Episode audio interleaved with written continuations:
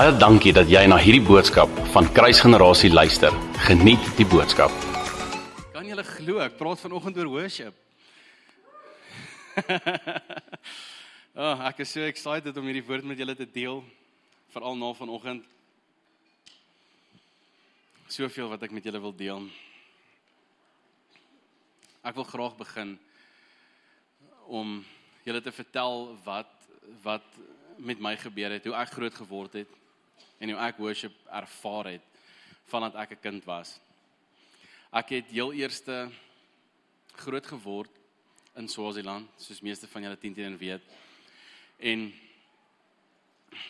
voor skool het ons omtrent nooit kerk toe gegaan nie, nie wat ek kan onthou in elk geval nie.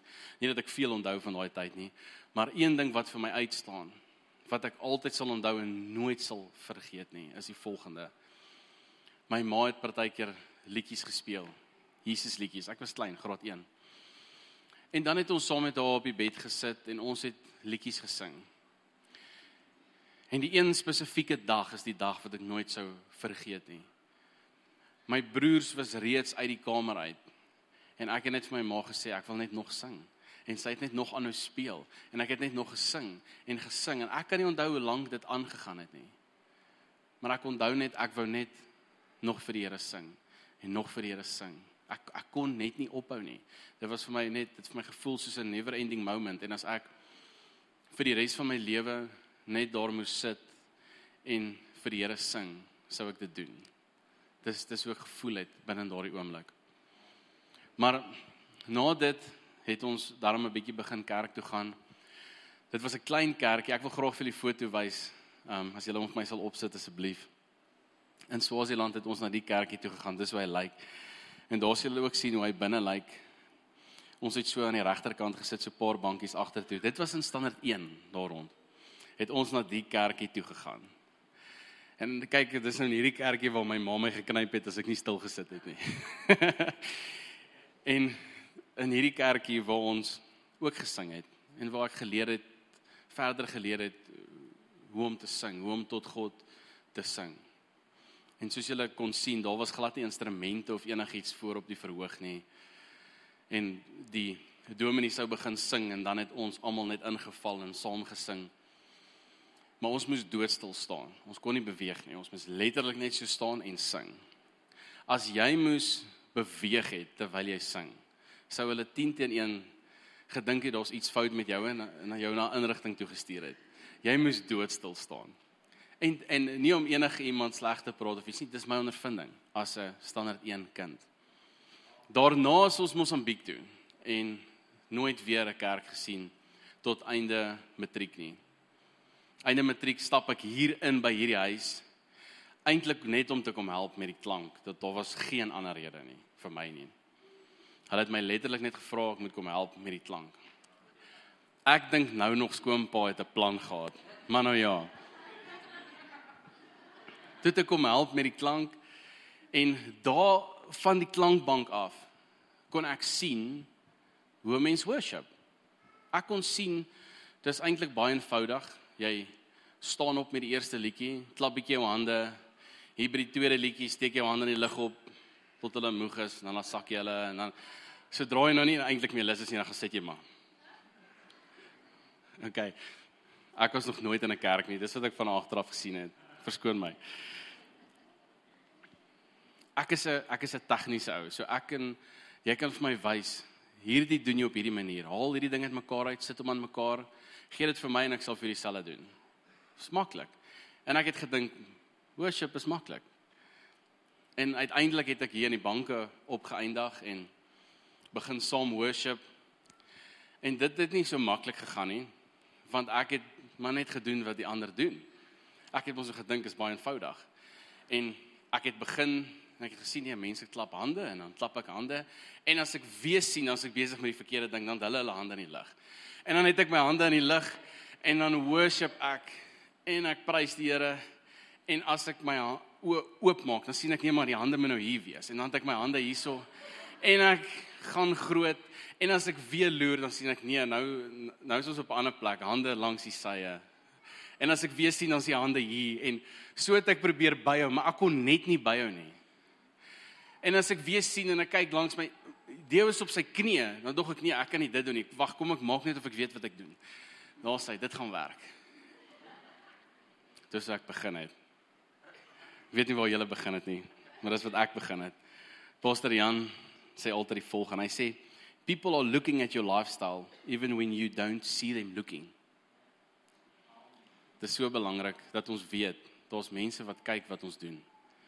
En daarmee wil ek nie vir een oomblik hê jy moet wonder oor wat mense van jou dink wanneer jy God se naam groot maak en hom loof en prys nie, maar jy moet weet dat daar's mense wat in hierdie familie instap wat nie 'n idee het wie God is nie. Gaan hy kan sien wie God is in die manier wat jy God se naam groot maak. Ek het toe nou natuurlik agtergekom dat daar moet baie meer wees as net dit. So ek wil graag vandag bietjie met julle gesels oor waar gaan worship vir my eintlik? Wat het ek geleer op my journey tot nou toe? Ek is seker ek het nog baie om om te leer, maar ek wil net 'n paar goedjies met julle deel. Ek het 3 punte. Eerste een is worship is nie net wat op 'n Sondagoggend gebeur nie. Daar's soveel meer aan aanbidding as dit wat wat ons op 'n Sondagoggend doen. Alhoewel dit waar is, is dit wat ons hier op 'n Sondagoggend doen nog steeds deel van dit.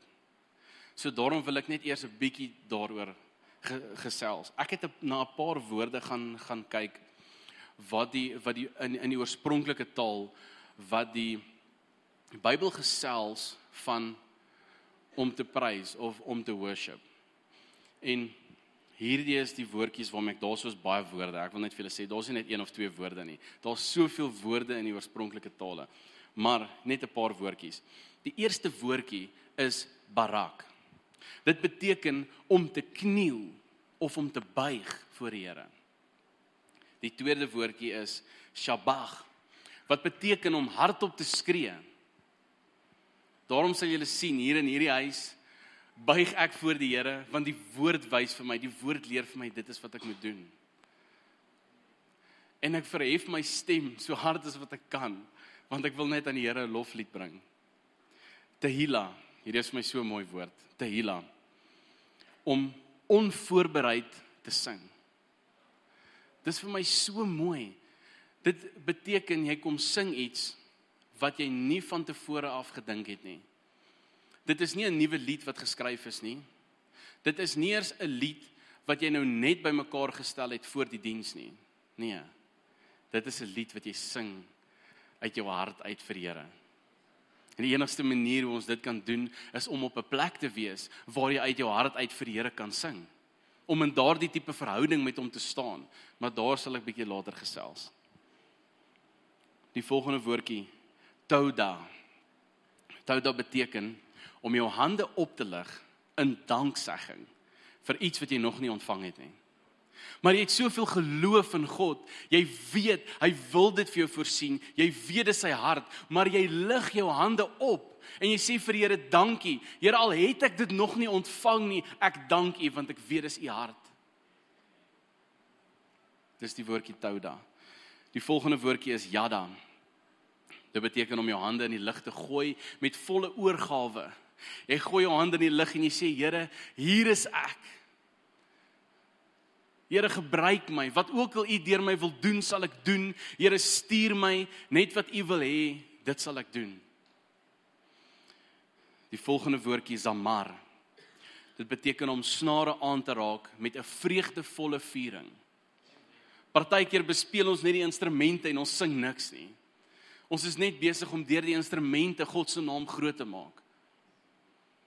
En dis wat ons hier doen. Ons doen dit nie net nie, die woord leer ons hierdie goed. Zamar.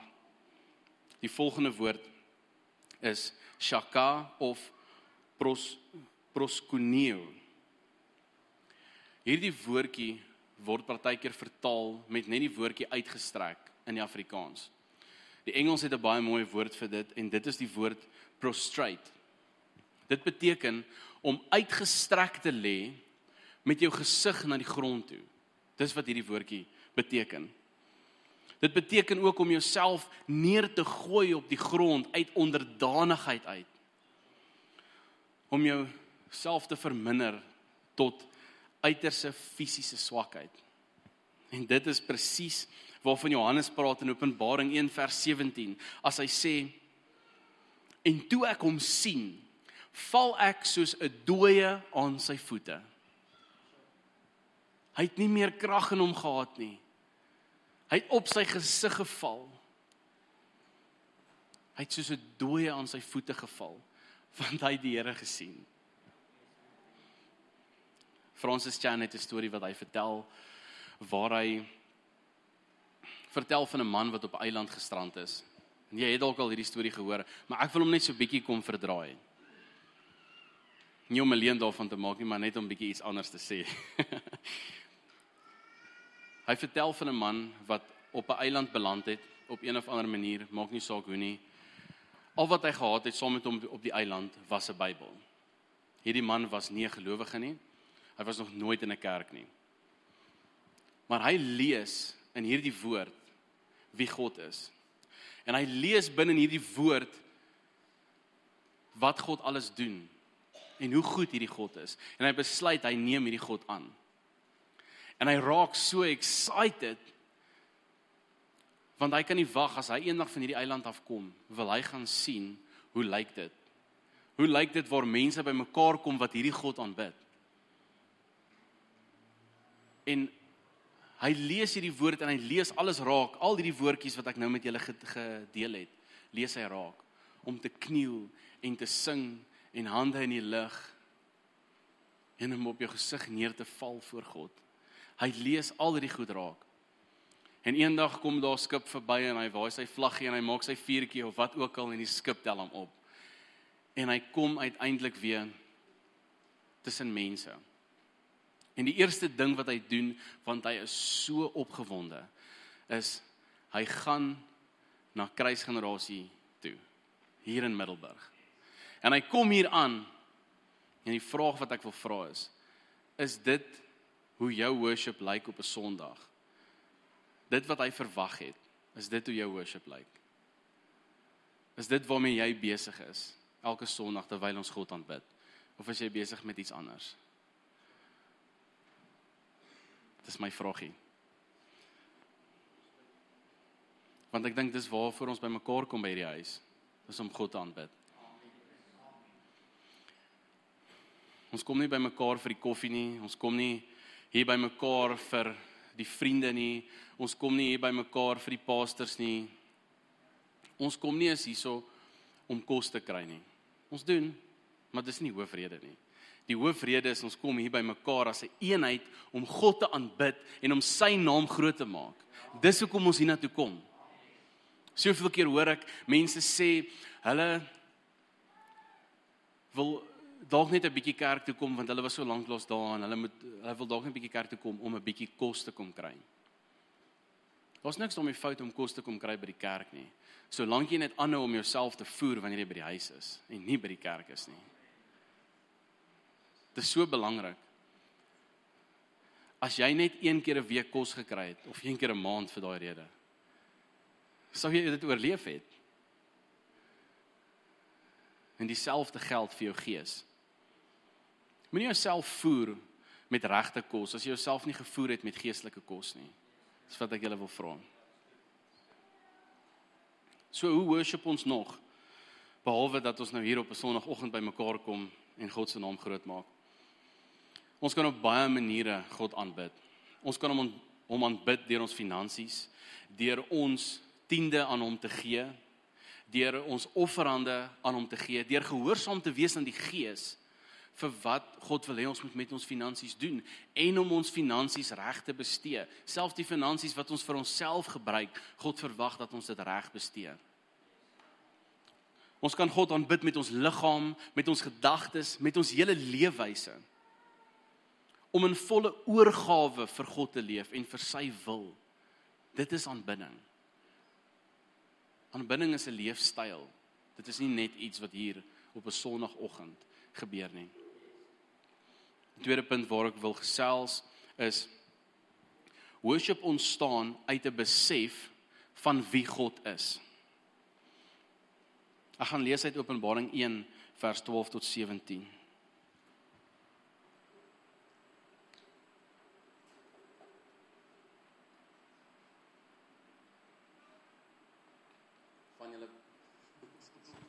van julle blaai darm soontoe.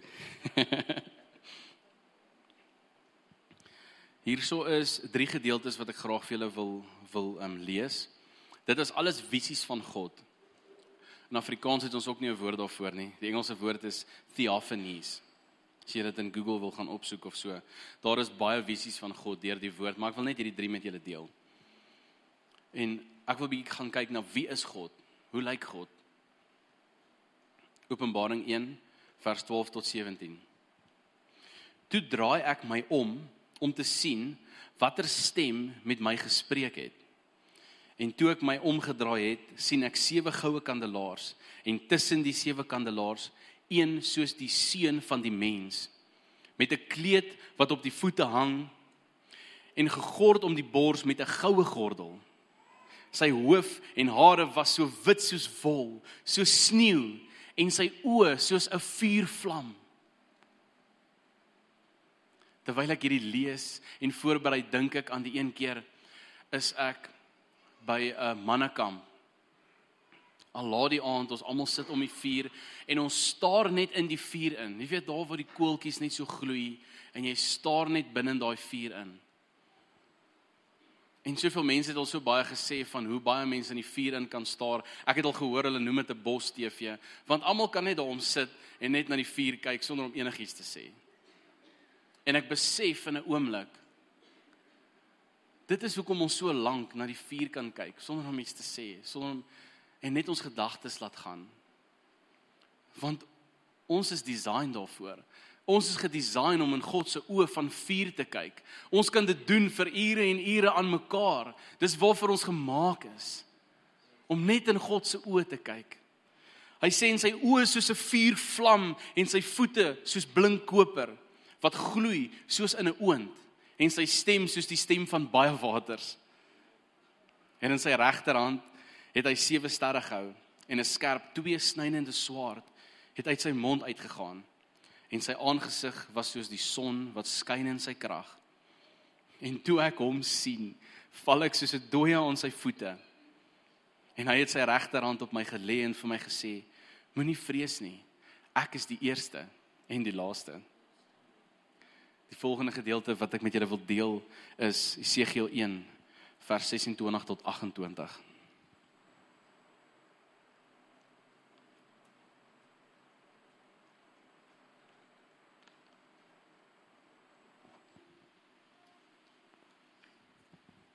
Segiel 1 vers 26 tot 28.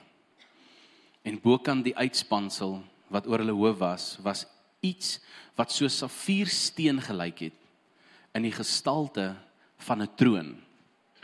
En op die troongestalte 'n gestalte wat soos 'n mens gelyk het. Mense kan sien die skrywer hierso het soos hy hy sukkel om uit te maak presies wat wat hy sien. Hy sukkel om om dit in woorde deur te bring. Dit dit dit is so amazing, dit is so groot. Dit is so groot openbaring vir hom. Hy het nie woorde om dit te beskryf nie. Hy sê en op die troongestalte, gestalte wat soos 'n mens gelyk het. Ek sien toe iets soos blinkende metaal van wat soos sy lendene gelyk het, boontoe soos vuur, rondom in 'n omhulsel gevat en van wat soos sy lendene gelyk het ondertoe het ek iets gesien soos 'n vuur met 'n glans daaromheen. Soos die gedaante van die boog wat in die wolk is op 'n reendag. So het die glans rondom gelyk. So het die verskyning van die heerlikheid van die Here gelyk. En toe ek dit sien, het ek op my aangesig geval en die stem gehoor van een wat spreek. Hierdie is hoe Esegiel die Here gesien het, ervaar het. Die volgende skrifversie is Daniël 10 vers 5 tot 9. Daniël 10 vers 5 tot 9. Daniël skryf hierson: Ek het my oë opgeslaan en daar sien ek 'n man met linne bekleed en sy heupe was omgord met goud van Ufas en sy liggaam was soos krisoliet en sy aangesig soos die geflikker van donderweer. Ek het 'n woordjie daar vervang. En sy oë soos fakkels van vuur en sy arms en sy voete soos blink geskuurde koper. En die geluid van sy woorde soos die gedruis van 'n menigte. En ek, Daniel, alleen het die gesig gesien, maar die manne wat saam met my was, het die gesig nie gesien nie. Nogtans het 'n groot skrik hulle oorval, sodat hulle gevlug het om hulle te verberg. Toe het ek alleen oorgebly en hierdie groot gesig gesien. En geen krag het in my oorgebly nie. En my gesonde kleur het aan my verander en verdwyn en ek het geen krag oorgehou nie. En ek het die geluid van sy woorde gehoor en toe ek die geluid van sy woorde hoor, het ek bewusteloos op my aangesig met my aangesig op die aarde geval. Hierdie is Daniël se ondervinding. Die deel wat hy hierso skryf, die geluid van sy woorde, soos die gedruis van 'n menigte. As ek dit lees, dan dink ek aan die dag wat die Here my geroep het tot die bediening. Ek was tussen mense, dit was hard, daar was worship. Almal het gesing, instrumente het gespeel. En die volgende oomblik toe kom sê die Here vir my net drie woorde. En daardie drie woorde was so duidelik dat ek vir daardie oomblik niks anders kon kon hoor nie. Alles het weggeval. En Daniel sê hierso dat niemand anders het dit gesien nie en in my geval het niemand anders dit gehoor nie. En ek het rondgekyk of ander mense dit ook hoor, maar hulle het nie. Dit was net ek. Maar net daardie drie woorde het my lewe verander. In daardie oomblik het ek ewe skielik tot 'n besef gekom. Die drie woorde was: "Hoe lank nog?" Sulke eenvoudige drie woordjies. Maar dit het nie gegaan oor wat God gesê het nie. Dit het daaroor gegaan dat hy gespreek het. En in daardie oomblik toe hy gespreek het, het ek onmiddellik iets geweet. Ek het onmiddellik geweet dat ek geroep is vir die bediening. Ek het onmiddellik geweet dat ek moet begin swat. Soveel goed wat ek nie in woorde kan beskryf nie op daardie stadium nie. Het ek in een oomblik besef toe die Here met my praat.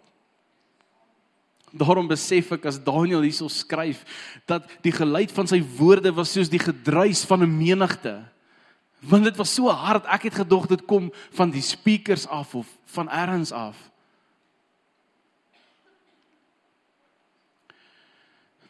Die vraag wat ek jou wil vra vanoggend is: Wie is God vir jou? Wie is God vir jou? As jy God sien vir wie hy is, sal jy nie anders kan as om hom te aanbid nie. Jy sal nie anders kan nie. Jou jou hele lewe gaan anders lyk. Jy gaan anders sing, jy gaan anders dans, jy gaan anders juig, anders kniel en buig, op 'n ander manier jou hande in die lug steek. Jy gaan God anders aanbid. Jou hele lewe sal ook anders lyk.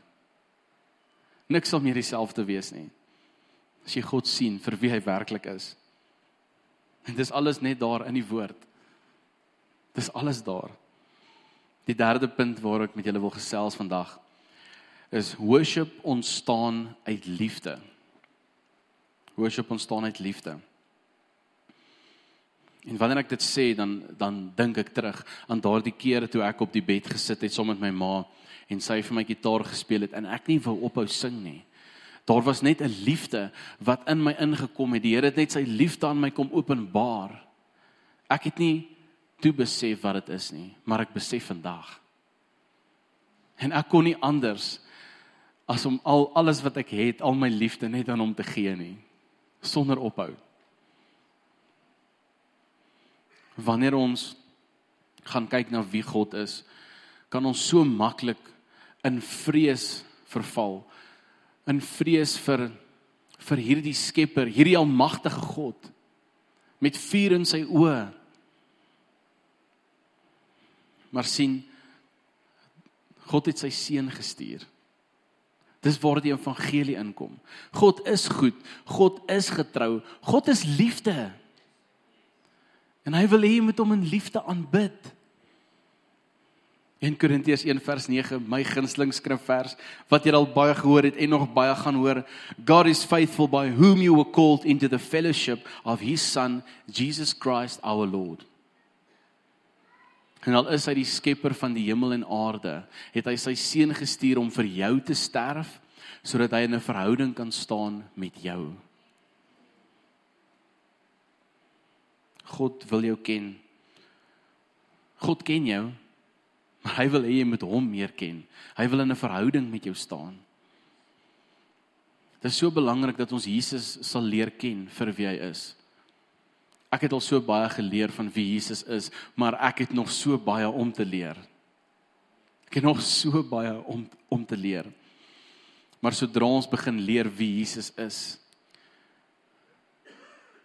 dan kry ons hierdie hierdie wil om net iets vir hom te doen. Ons wil net iets vir hom bring. En uit daardie hart uit worship ons. Wanneer ons besef wat hy alles vir ons gedoen het en hoe lief hy ons het, kan ons nie anders as om net in aanbidding uit te breek en te sê Here, dankie vir wat u gedoen het nie. Ons kan nie anders nie. Daai hele proses van om vir Jesus te leer ken is besig om ons voor te berei. Ons word die bruid wat Jesus voorwag. Jesus wag vir 'n bruid. Ons moet seker maak dat ons besig is om daardie bruid te word. As jy nie besig is met dit nie, dan is daar 'n paar goed wat jy moet aflê in jou lewe en besig raak met dit. Kim Walker Smith is by Jesus Culture. Sy is 'n worship leader, maak baie albums. Sy skryf die volgende. Sy sê worship is God pouring his presence and love out on us and us responding to that and pouring our love back on him. Dis wat worship vir haar is. En deur hierdie wat sy skryf, kan kan ek sien hoekom sy daar is. Sy skryf sy het nooit vir dit gevra nie, maar sy was net gehoorsaam. En omdat hierdie is wat worship vir haar is, het die Here haar soontoe gevat. Anriek Boshoff, een van ons interns, sy skryf die volgende: Worship is an outward expression of what is going on inside. Hoe mooi is dit nie? dit is so mooi. Dit moet eers hier binne gebeur. Dit help nie ek kom staan hier en ek probeer my hande hou waar die res dit hou of ek probeer my hande klap wanneer die res hande klap nie. Dit is iets wat van hierdie binne afkom.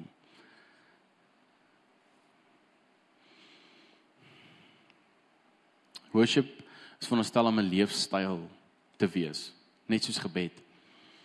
Ek het onlangs in die aanddiens het ek ietsie gedeel oor gebed en ek wil dit graag met julle deel.